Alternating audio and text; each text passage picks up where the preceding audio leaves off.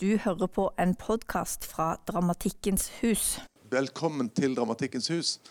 Eh, det, det, er en eh, glede og ære å eh, stå her, som vanlig, holdt jeg på å si.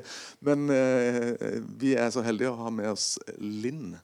Takk. Ja, som skal snakke, eller poster restante, som du også på en måte heter. heter ja. ja. jeg snakker i denne mikrofonen fordi det blir en slags podkast av dette etter hvert. Ja. Og vi har noen folk som følger dette her på streaming også. Så um, vi er så heldige at du har kommet hit eh, fra Stockholm for å holde et slags foredrag med utgangspunkt i Jan Fabers uh, eh, for 24 timers forestilling Mount Olympus. Og Du skal få lov til å snakke om dette. Jeg skal ikke stå her og gjøre det. Men det blir litt spørsmål og svar etter hvert.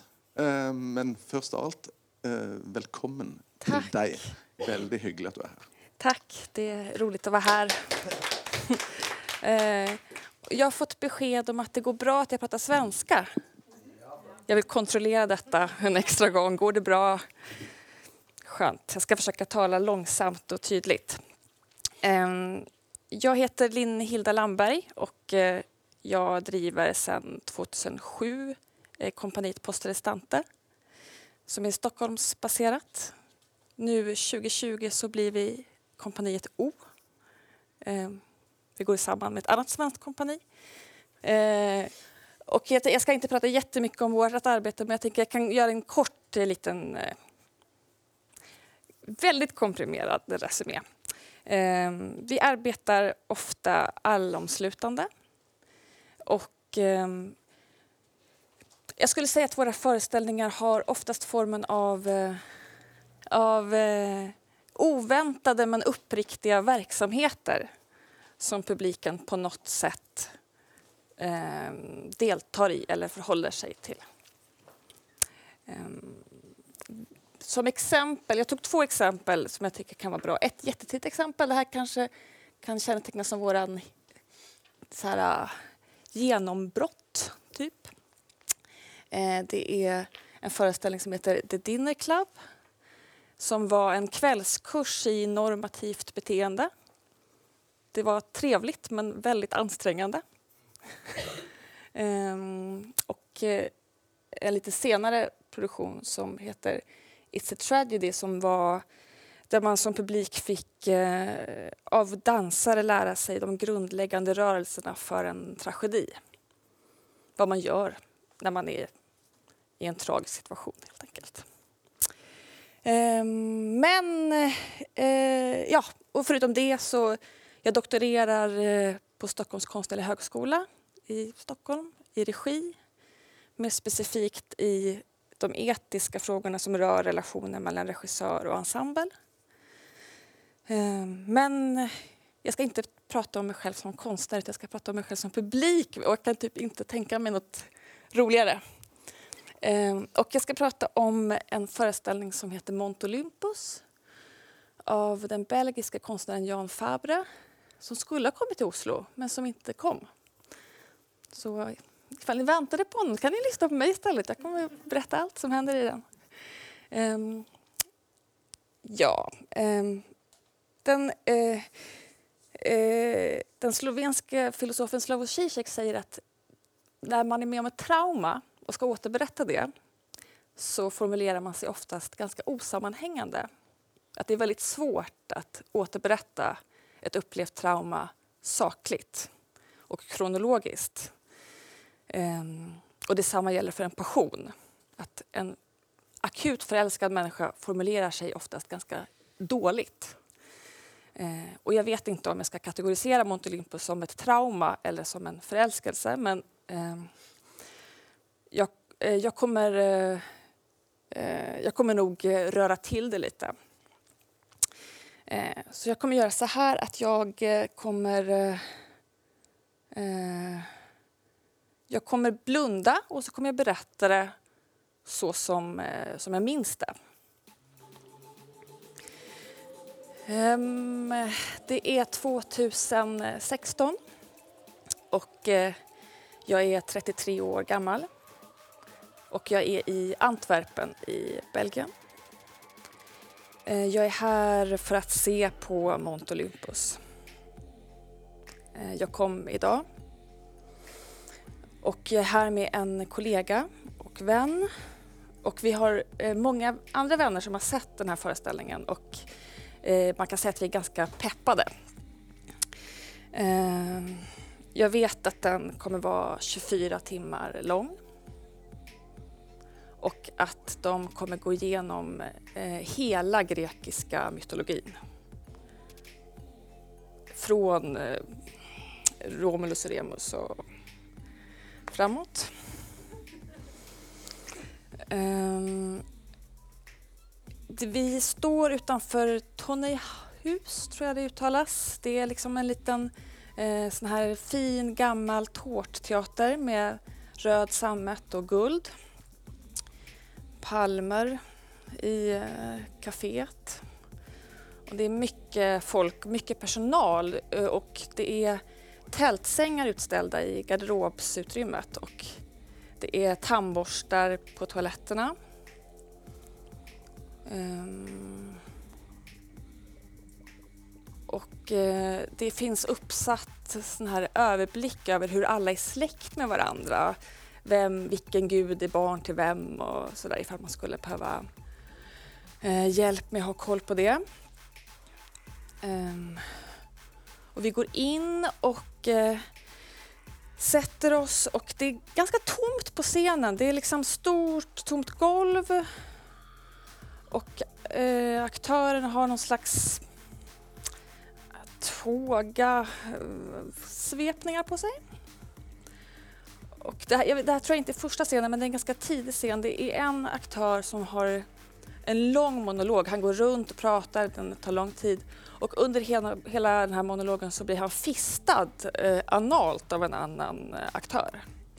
Eh, och lyckas ändå formulera ord, liksom, sammanhängande meningar. Eh, ja, eh, ja, det håller på ganska länge. Sen är det en annan scen eh, som jag tror är Sparta eller något sånt där.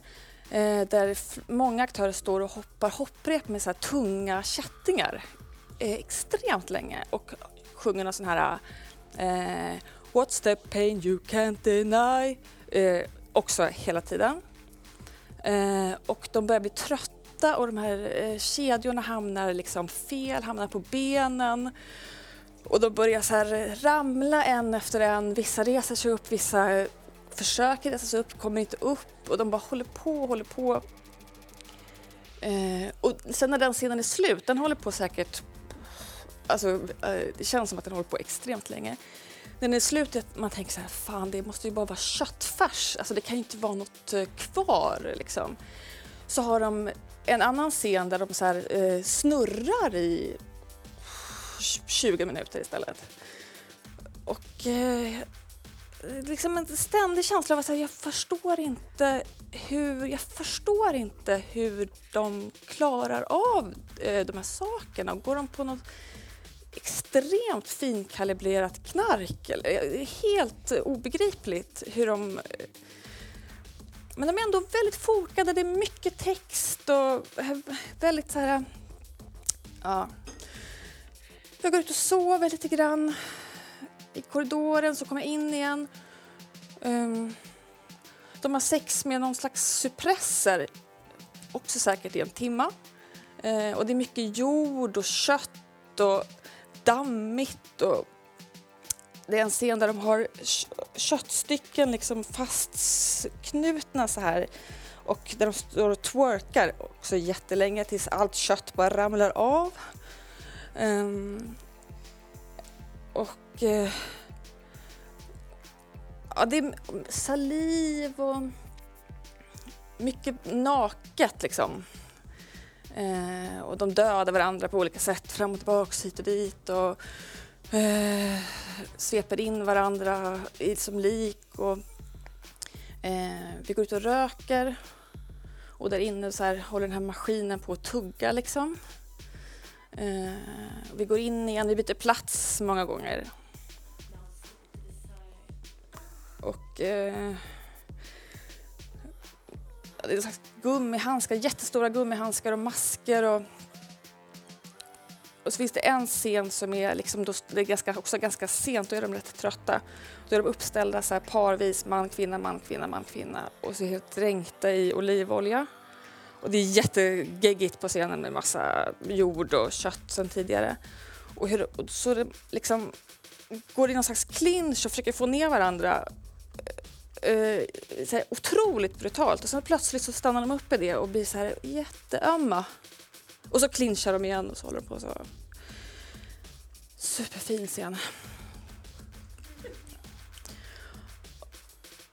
Ja, det, bara, ja, det håller på liksom. Och eh, vi börjar bli riktigt trötta och de börjar bli trötta. De sover på scen ibland, eller vilar typ. Liksom. Eh, och, och så börjar vi närma oss slutet och då känns det som att det går väldigt fort. Plötsligt går, liksom bara flyger timmarna och man undrar så här, hur fan ska de komma, hur ska de hinna fram? Det är bara tre timmar kvar. Eh, och eh, det slutar med eh, den här twerk-scenen kom tillbaka. De, de, alla står på scenen, alla twerkar. De är så trötta så de, liksom, de bara skakar typ. Och det regnar ner färgpulver, liksom pff, gult, pff, glitter, pff, olja och de halkar och slår sig som fan. Och eh, de är, man ser att de är så väck, de är så fruktansvärt trötta. Och vi är jättetrötta. Och sen, det här, nu, det här vet inte jag om jag hittar på, men så som jag minns det, i, det här, i den slutscenen så går ljuset på oss i eh, publiken upp lite. Och en av eh, dansarna tittar på oss och möter liksom våran eh, blick. Och de... Eh, vi luktar svett och de luktar... Alltså, det är så vidrigt. Eh, och jag bara storgråter för att det är så himla fint. Ja. Um. Och jag har försökt sen efteråt försökt förstå vad det är som hände mig då. Eh, varför jag blev så himla paj av det. Och jag har eh, identifierat tre saker. Eh, och det första är att jag upplever att även om de har karaktärer, de är Agamemnon och Medea och bla bla bla, bla så upplever jag att de... Eh, eh, alltså upplever jag inte att de gestaltade någonting.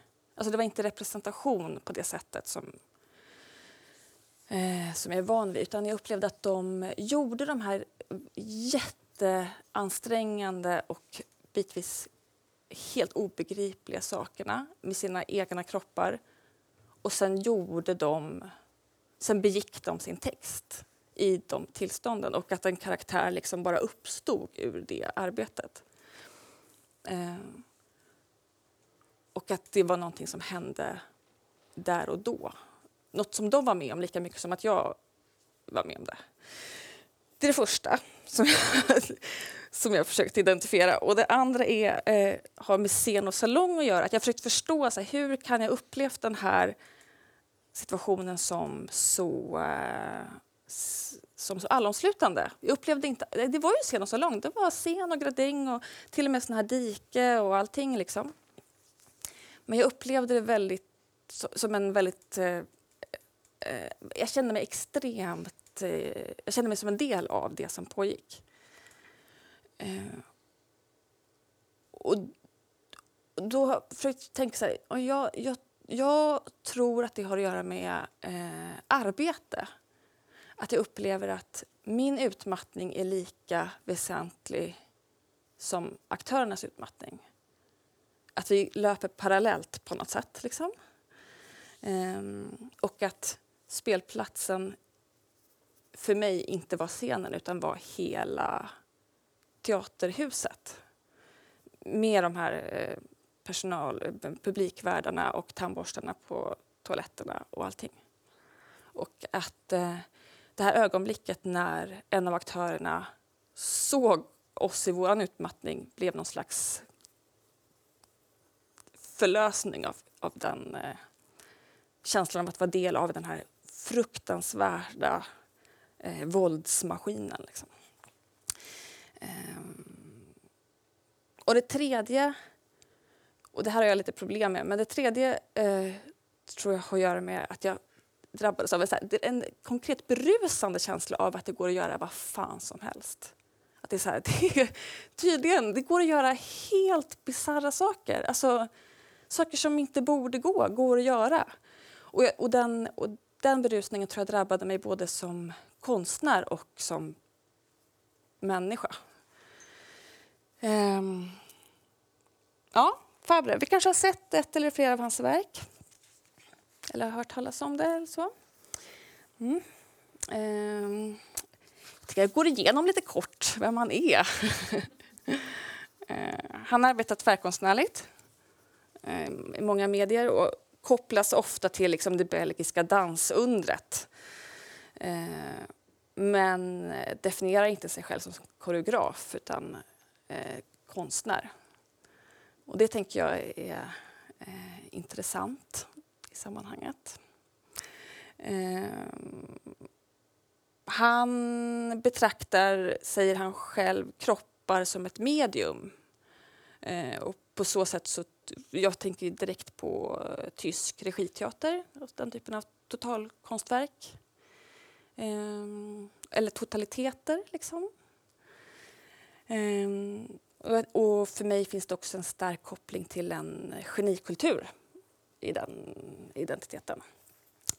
Eh, verken är oftast på ett eller annat sätt ganska så här oresonliga. Han gör enorma målningar bara med bickpenna som är otroligt eh, arbetade och detaljerade. Jättestora bronsskulpturer. Han gjorde en takmosaik för Kungliga palatset i Bryssel som var av skarabé, alltså mm, skalbaggar, som jag tror en och en halv miljon skalbaggar.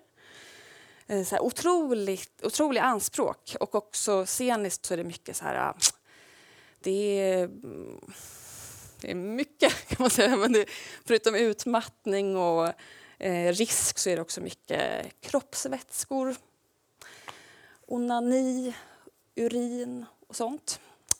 Eh, han, är, man, han är ganska drastisk, kan man säga. Eh, han är 61 år och han är belgare, bor och verkar i Antwerpen. Lite bakgrund. mm. Det här eh, eh, som ni ser nu det är ett öppet brev som 20 av hans för detta eh, aktörer har publicerat eh, kring hur de upplevt sin, sitt arbete i kompaniet. Det publicerades 2018. Eh, och det de beskriver är eh, upprepade trakasserier, upprepade övergrepp men kanske framför allt så beskriver de en arbetskultur som eh, är väldigt legitimerande kring den typen av eh, integritetskränkningar. Eh, ja. Ehm. och eh, brevet inleds med att kommentera en rapport som var beställd av eh, kulturministeriet skulle jag nog översätta det till, um, belgiska kulturministeriet, där en av fyra kvinnliga eh, aktriser eh, vittnar om att de har upplevt sexuella trakasserier. Um, och jag tänker att jag vill vara tydlig med att jag kommer inte gå in på um, Jan Fabres eventuella lagbrott eller inte. Det tänker jag inte är min eh, plats att göra. Men, eh, så jag kommer hålla mig till hur han har bemött den här frågan offentligt. Eh, för att jag märker att det i sig väcker en hel del etiska och eh, intressanta frågor i mig. Vi får se om ni känner likadant. Um, mm. Till, eh, apropå den här rapporten eh, så sa Fabre i eh, en radiokanal som heter VRT samma år, eh, han sa följande, nu kommer jag läsa innantill så jag får ordning på citatet. han säger så här. Eh, han ställer sig också skeptisk till de här siffrorna, en av fyra. Ehm, han säger eh, det finns också något farligt i detta eftersom relationen, det hemliga band som finns mellan regissör, koreograf, skådespelare, dansare, det kommer det faktiskt också förstöra och skada oerhört. Och, ehm, och det är ju ett argument som ibland kommer upp. Jag tycker det är intressant. Det här argumentet att en säkrare arbetsmiljö i det här fallet då en arbetsmiljö som helt enkelt följer de belgiska eh, reglerna. Eh, att det då per automatik skulle vara skadligt för Eh, en konstnärs kreativitet. Mm. Och då tänker jag att det som händer för mig är att två stycken demokratiska värden ställs mot varandra. Dels då en konstnärs rätt att få uttrycka sig fritt och dels då eh, en människas rätt till eh, en, eh, en arbetsplats som inte utgör en, eh, en som inte är skadlig för henne. Mm. Sen tänker jag att det blir extra intressant om man som konstnär har valt att arbeta med ett material som är levande kroppar. Eller för mig, det eh, ska bara... Mm. Det gör konflikten lite mer akut. Um, och i det här fallet ofta då yngre, sämre betalda, kvinnliga eller queera eller ofta rasifierade kroppar. Um, och som då gång på gång får betala för den här konstnärens frihet med sin, sin integritet eller sina gränser. Och sen ska man ha argumentet så här, ja fast man måste inte detta, alla är fria att tacka ja eller nej till de här uppdragen. Det är inte ett argument som man applicerar på någon annan bransch, att man inte måste ta ett jobb som då inte följer arbetsmiljöregler. Eh, men det hävdas ofta i de här sammanhangen att det är ingen som tvingar de här människorna till detta. och så. Dessutom så är det en bransch som vi vet som är så otroligt präglad av eh, vissa konventioner kring vad det är att vara professionell. Och där eh, ett rykte om att man är besvärlig kan vara jätteskadligt. Eh, Ehm, han säger också i samma program i VRT att, eh, ska jag också läsa till så jag får ordning på detta citat. Eh, han säger att hans kommentarer till aktörer, han, säger, han kommenterar ofta aktörernas kroppar högt inför ensemblen och så, att de alltid är rättvisa, men citat, att folk är mer känsliga nu för tiden. För ett år sedan, säger han, var inget av det här ett problem.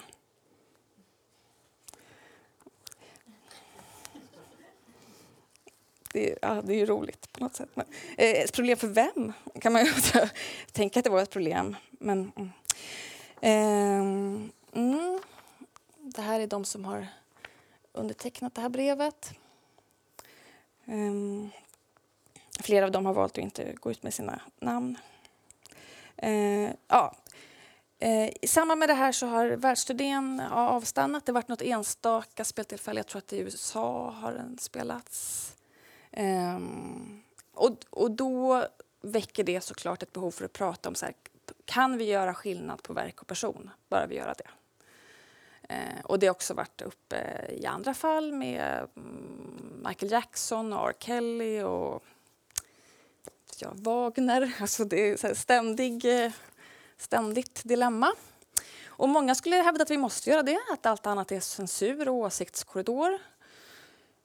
Eh, för mig blir det att förlägga konflikten mellan då tanken på en så här reglerande stat och då en enskild konstälskande individ. Och för mig är det att göra det lite väl yxigt. Um, jag tänker att det är ett fruktbart etiskt dilemma och jag tänker att någonting händer om vi orkar förlägga den konflikten inuti oss istället. Eh, jag ska förklara lite hur jag menar. Um, nu kommer jag visa lite bilder och jag tänker att jag vill ge en liten triggervarning för det är en del uh, eh, jobbigt innehåll eh, på kvinnor i olika situationer. Jag säger till när den är över. Eh, det här är eh, det här är en eh, konstnär och designer som heter Lisa Hågby. Det är hennes examensarbete från Beckmans. Hon gick ut 2013. Och hennes eh, projekt går helt enkelt ut på att hon har samlat eh, mainstream-reklam, alltså bilder, vanlig reklam som på något sätt porträtterar döda, medvetslösa eller styckade eh, kvinnokroppar och satt samman dem eh, Eh, eh, i stora collage. Eh, och projektet heter Stop Female Death in Advertising. Ehm, och eh, jag tycker att det här är ett intressant, intressant att ta in i samtalet för en och en passerar de här bilderna ganska obemärkta. Eh, vissa undantag, jag ska gå in på en bild som jag tycker är helt bisarr. Den här. Det är, nu beskriver jag den för, eftersom det också är en podd. Det är en bild på en man i kostym som eh, tittar in i kameran och ler. Och framför honom är det en bilhuv. Och på bilhuven ligger det en kvinna eh, i underkläder som man ser. Hon, hon ligger liksom med ansiktet bortvänt från kameran och han håller en snara runt hennes hals som han drar i. Eh, för herrmode.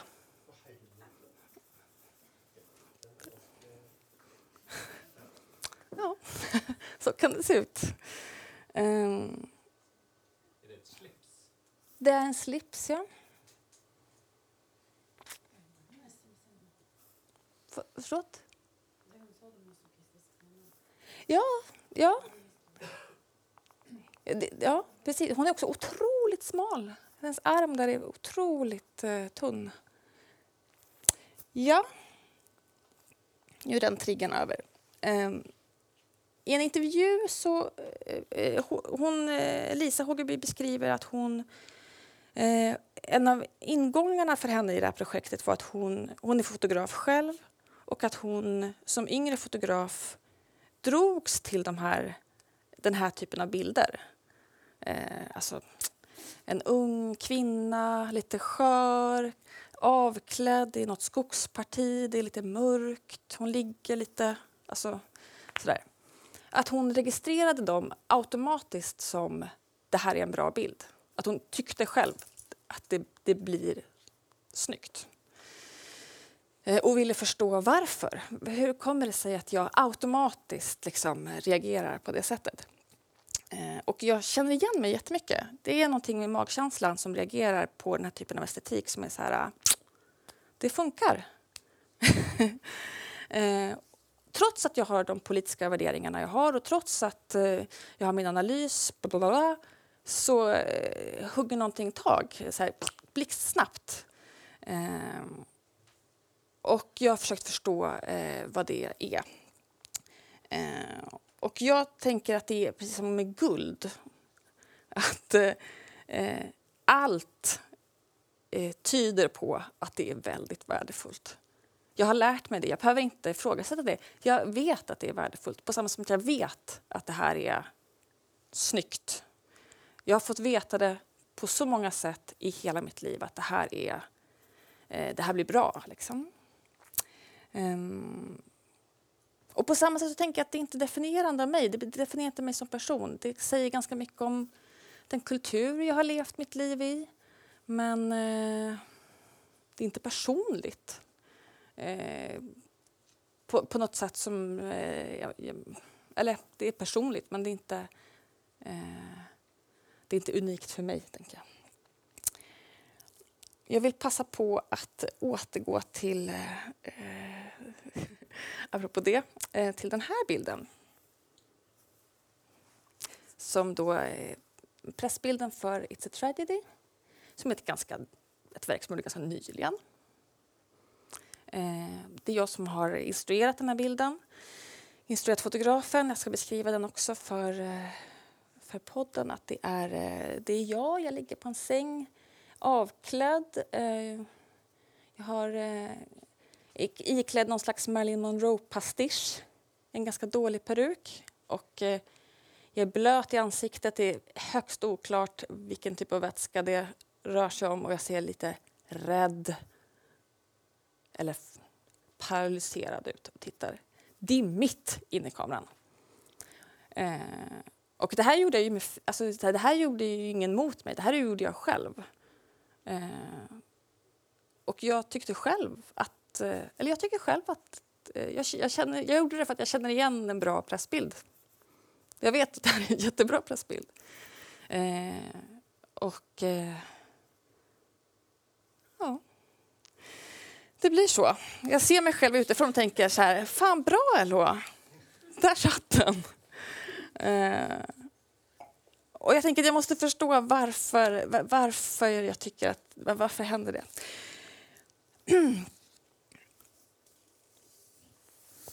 Mm, jag tänker att det har att göra med konstnärlig kvalitet, hur vi, eh, hur vi förhåller oss till det. Jag tänker att de flesta av oss eh, kanske inte tänker att, eh, längre tänker att konstnärlig eh, inspiration eller så kommer ifrån Gud, att vi är någon slags verktyg för Guds röst. Ehm, men jag upplever att det dröjer sig kvar en ganska religiös eh, relation till kvalitetsbegreppet. Ehm, jag ska förklara vad jag menar med det. jag upplever att det, att, eh, det finns en, en, ett romantiserande och eh, eh ett eh, skyddande av kvalitetsbegreppet som någonting som skulle vara ganska absolut och essentiellt. Eh, Fabre till exempel beskriver sig själv som eh, a servant of beauty och sina eh, aktörer som warriors of beauty. Eh, som att liksom beauty skulle vara en objektiv kraft på något sätt.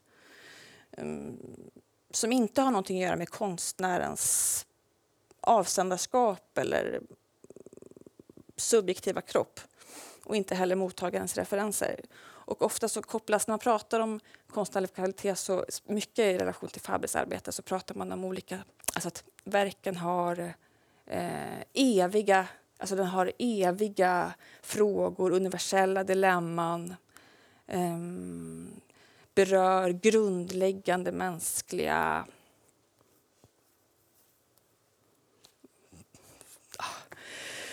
ja, eh, berättelser eller så. Mm. Och eh, då tänker jag så här, det händer någonting. För det är, viss, det är vissa personer som har tillgång till att formulera universella dilemman. Vissas livsberättelser blir grundläggande mänskliga eh, varpå andras livsberättelser oftast reduceras till att vara särskilda eller marginella och därför då av lägre konstnärlig kvalitet.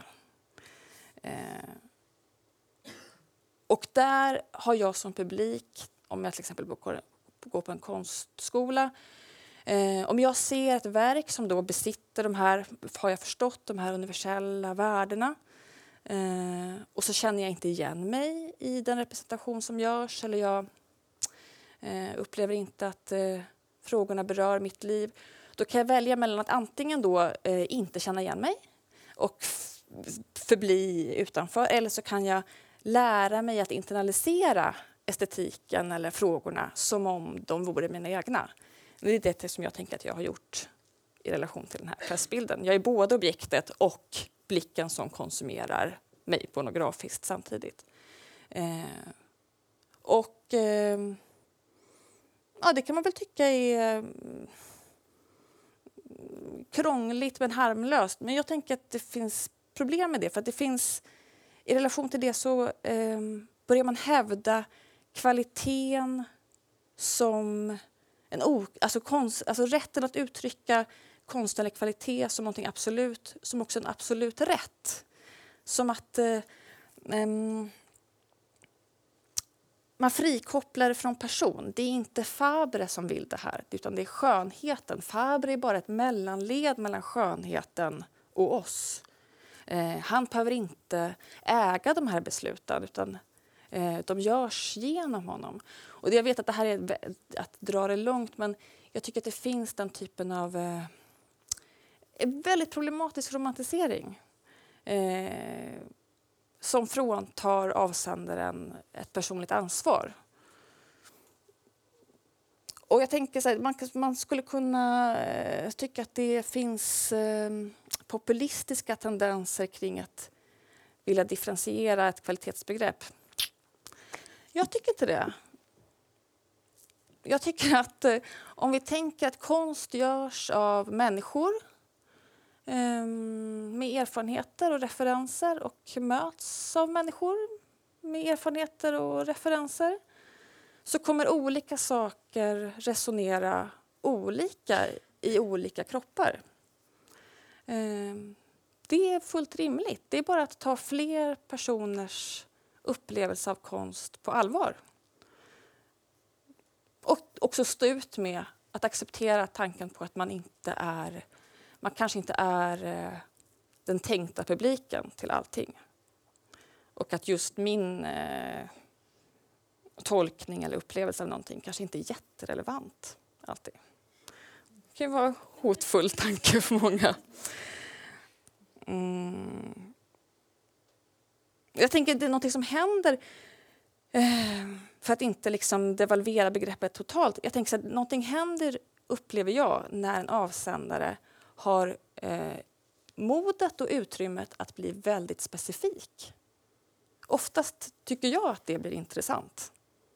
Eh, och sen kan jag se att vissa kroppar har haft mer tillgång till att bli väldigt specifika än andra. Då brukar det generera intressantare konst. Eh, jag skulle hävda att det beror på det utrymmet. Men, eh, jag skulle vilja avsluta eh, med en lite tröttsam passus från Dagens Nyheter på det här temat. Eh, det är skribenten Per Mårtensen som pratar om eh, dilemmat kring verk och eh, person. Blir det citat igen, för att jag måste ha ordning på det. Han skriver så här. Själv tycker jag att Roman Polanski är en av vår tids främsta filmregissörer. Han hotas sedan åratal av rättegång i USA för våldtäkt mot minderårig. Gör Polanskis eventuella sexuella preferenser hans filmer sämre? Bör vi nu inte längre lyssna på Longerin? Eh, eh, det som, det, som, det som stör mig här är inte att han gillar Roman Polanski utan det som stör mig är ordvalet bör. Bör vi nu inte lyssna? Och det, det, här är ett ordval som dyker upp ganska ofta. Alltså, bör vi nu inte? Får vi nu inte? Ska vi nu inte? Eh, och så vidare. Eh, som en så här, defensiv reaktion på, den här, eh, på det här problemet jag tänker så här. Vi får väl lyssna på det vi lyssnar på. Eller vi får väl älska, vi älskar det vi älskar, helt enkelt. Det, det, det kan vi inte reglera. Men jag tänker att om vi inte orkar tänka på varför vi älskar det vi älskar så gör vi det väldigt enkelt för oss. Och eh, jag älskar ju Mount Olympus. Och jag tänker att eh, eh skälen till att jag gör det är oerhört eh, problematiska. Tack för att ni vill lyssna på detta. Ja.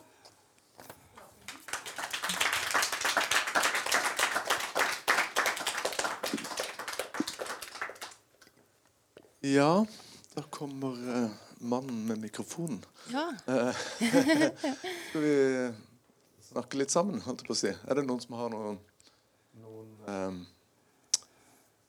spørsmål, som det heter. Ja, man blir jo uten tvil veldig eh, interessert i den forestillingen også. Ja, men eller hur? Ja, det var en veldig Ja. fin eh, seanse du holdt for oss der. Som en slags eh, sjaman. Ja. Jag tänker ni får inte se den antagligen så får jag försöka Mer av det, leverera. tack. och nu är det några år sedan så det är lite, lite rörigt minne. Ja, Ja. men h- hvordan ligger den Altså, det oppropet som kom Mm. mot Fabre Mm. Ehm, hva, hva, hvor, hvor står den nå, egentlig? Eller hva skjedde egentlig? Alltså jag tänker att det så som jag förstått det så är det fortfarande under utredningar. Ja. Ehm, Men har det fått noen konsekvens altså, i forhold til hans produksjon? Og, han, flera programmeringar har ju dragits in så han Ja. har planerats och visats till exempel här i Oslo och eh, det har ställts in. Ehm, och där har ju olika aktörer reagerat lite olika. Jag vet att eh, vissa har valt att visa eh, och många har valt att inte visa. Mm. Ehm, och det har ju funnits, utan att gå in på några namn, det har funnits andra fall eh, även här i Norden. Eh, där också programmerare hanterat det på olika sätt. Vissa har ställt in, eh, då andra konstnärer som haft liknande eh, eller angränsande kritik mot sig. Vissa har ställt in och vissa har visat fast med ett efterföljande samtal eller så. Och jag tänker att eh, det, det, alltså, den rent juridiska frågan är ju så otroligt komplicerad och jag tänker att Ja, jag ja. ska inte spekulera i den. Ehm, men Et øyeblikk. Du skal få snakke i denne. det är för podden, vet du. På ettertiden, det var det også. Eh, Men du likte stykket godt. Men hvorfor, lik, hvorfor likte du det? Hva var det det satte i gang hos deg som gjorde at dette var en tross alt god opplevelse? Det var jo støkende, eller hva du Ja, eh, jeg, jeg tenker at jeg elsker den av precis samme skäl som jeg har problem med att jag älskar den. Jag älskar den därför att den, eh, den har eh, alltså dansarnas totala underkastelse sin uppgift. Deras, eh, att de går över det som jag upplever som möjligt och eh, rimligt inom alltså, gör saker som jag inte förstår att de klarar av. Eh, och sen, men så tror jag också att det finns något, konstnären i mig tror jag också eh, tycker om det därför att jag, jag ser en annan konstnärs helt orimliga anspråk. Att han höjer sig över det mundana på något sätt och gör någonting som man inte eh, som en vanlig mänsklig ska göra. Eh,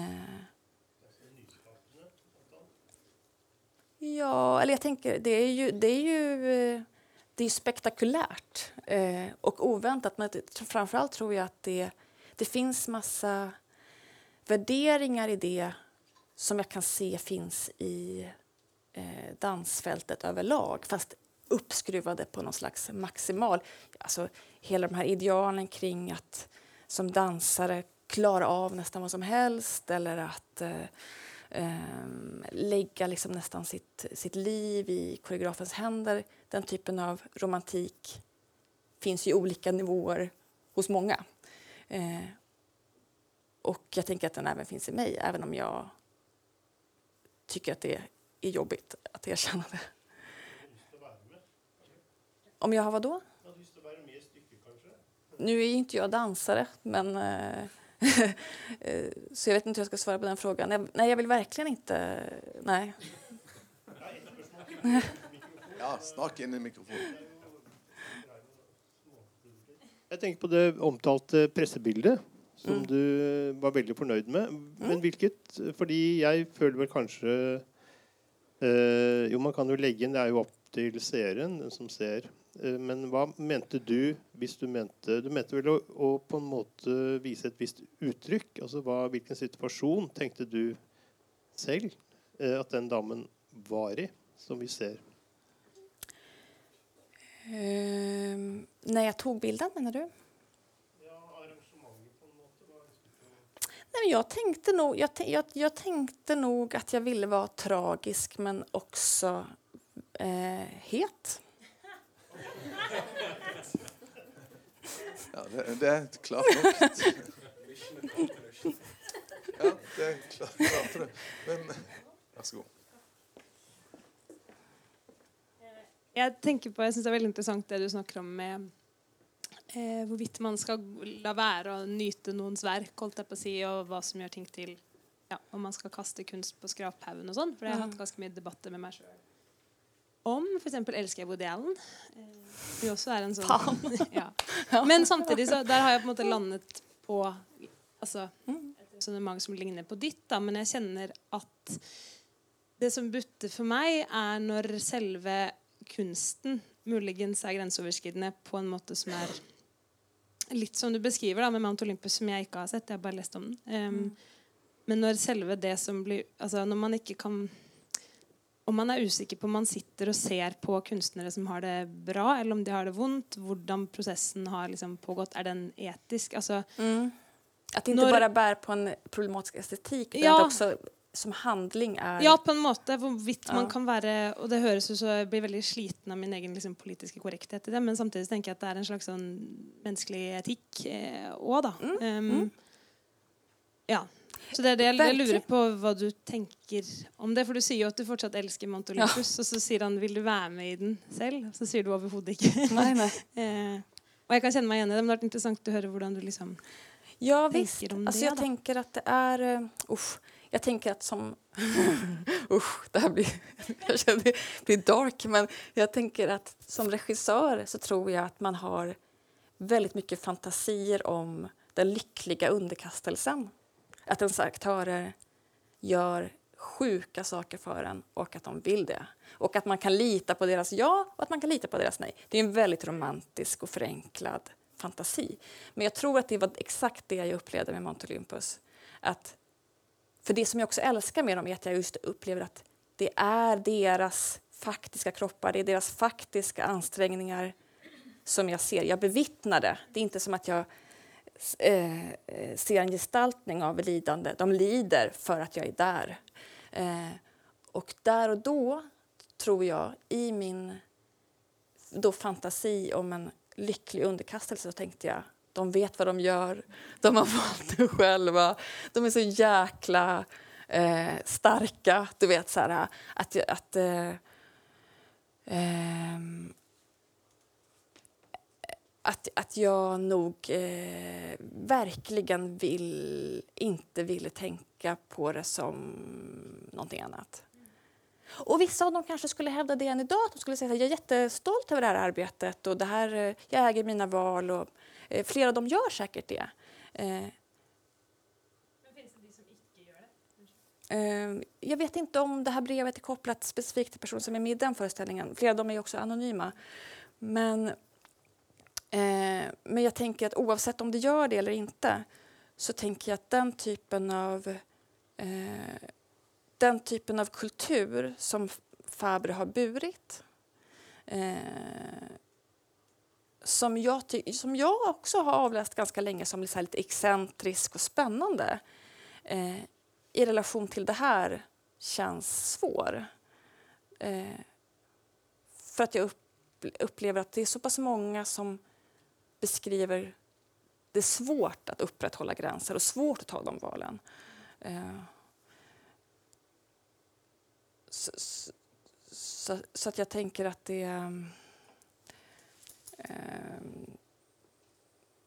att situationen i sig är, är så pass... Eh, hur ska jag säga? Även om, även om säg, säg att alla som är med i hela Mount Olympus har konsent, alla tycker att det är toppen så, så, kan jag, så upplever jag nu när jag ser den att miljön är eh, extremt farlig eh, för många och svår att sätta gränser i. Och det kan ju ha etiska problem i sig. Eh, mm. Som jeg tenker at det kanskje også er litt av tjusningen med det. på en Ja, måte. jo, absolutt. For jeg kjenner meg Som skuespiller så kjenner jeg meg veldig igjen også i ideen om at jeg en slags idé som jeg ikke vet om jeg har levd ut, men også den ideen som du beskriver om en slags sånn lykkelig underkastelse. At man har jo veldig lyst til det. Så det er et Mm. utrolig sånn ja, det er utrolig en spennende ting å snakke om. For når er det liksom det går fra å være en lykkelig, frivillig underkastelse hvor man bare syns det er nydelig å være grenseoverskridende og bjuda på seg sjøl, og når er det det bikker? Og hvem er det liksom i rommet som Mm. styrer det, da? Mm, mm. Ja, så det, ja. Mm. Men tänker du där, eller jag, eh, eller jag upplever att det finns eh, jag upplever att det finns två stycken konventioner som gör liksom, gränsdragningarna snåriga. Och det ena är liksom att jag upplever att eh, det finns eh, ganska mycket romantiska konventioner kring att prata om teater som en kollektiv process. Så kollektiv och kreativ, att vi skapar tillsammans och, eh, och så. Och samtidigt som att det finns eh, ganska, ja, men, ganska så här, tydliga uppdelningar kring vem det är som har tillgång till eh, mm, sina ja och nej och så. Eh, Eh, och, eller jag upplever att just den kombinationen av att prata om det som, eh, som kollektivt men att mycket av handlingarna är superhierarkiska. Ja, det blir svårt. Jag tycker, jeg tycker det är svårt. Det handler jo også, som du også var inne på, som er spennende, sånn, hvem er det som har tilgang til Eller hvem er det som får muligheten til å benytte de virkelig grenseløse rommene, på en Mm, måte? mm. For det er jo ikke alle Det krever en viss maktposisjon å havne der Jan Fabre for eksempel, har havnet, på en måte. Og hvilke kropper er det som ikke har muligheten til å lage den Mm. typen overskridende teater? Det er, det er en saus, egentlig, men jeg bare var veldig nysgjerrig på hva du tenkte. Mm. Och jag tänker också att det finns en, en, en utbredd, alltså även då för de som arbetar mer, försöker arbeta mer plant eller devising och så, att det finns eh, eller jag kan, oh. eller jag, jag kan tycka att det finns eh, en ovilja. Eh, man, man pratar oftast bara om den kreativa processen. Och i, jag menar, I vissa fall så kan den ju vara ganska plan. Att man har regler för hur material värderas och vem har tillgång till att eh, liksom värdera sin, eh, sitt arbete och sådär. Eh, men jag upplever att man... Det är som att man pratar om den som att den skulle kunna vara helt frikopplad från produktionsmodellen. Säg, låt oss säga, låt oss hitta på att Fabre har en ashärlig stämning i, i sitt laboratorium och det bara ges och tas och, och dansare säger bara nej, det vill jag inte göra, jag vill göra så här och så. Eh, men eh, konventionen kring att det är han som ger alla jobb och eh, att det är hans namn som är värt pengar gör ju alltid att hans ja och nej är värt så mycket mer. Och det, det, och det upplever jag att som, eh, som regissör så är det så obekvämt att tänka den tanken. Man vill så gärna bygga de här härliga spacen. Liksom. Eh, men jag upplever att det bara gör, eh, att det bara gör ens eh, övergrepp svårare att prata om. För att de sker liksom så himla sneaky. Ja. Mm. Jag har ingen lösning på det, vill jag bara säga. In, noll lösning. Ja, er det Var det Var det alt? ja, det, det var det visst. Men Ja. eh, vi har eh, Vi har eh, tilgang på et eh, på en bar här vid sidan av. Så kan gärna gjerne in dit eh, for ja. de som önskar det. Um, det var verkligen en förnöjelse att höra på dine refleksjoner. Takker, takker. Ja. Eh, tusen tack för att du kom, att du tackade ja. Eh, og tusen tack för att ni kom. God afton. Tack.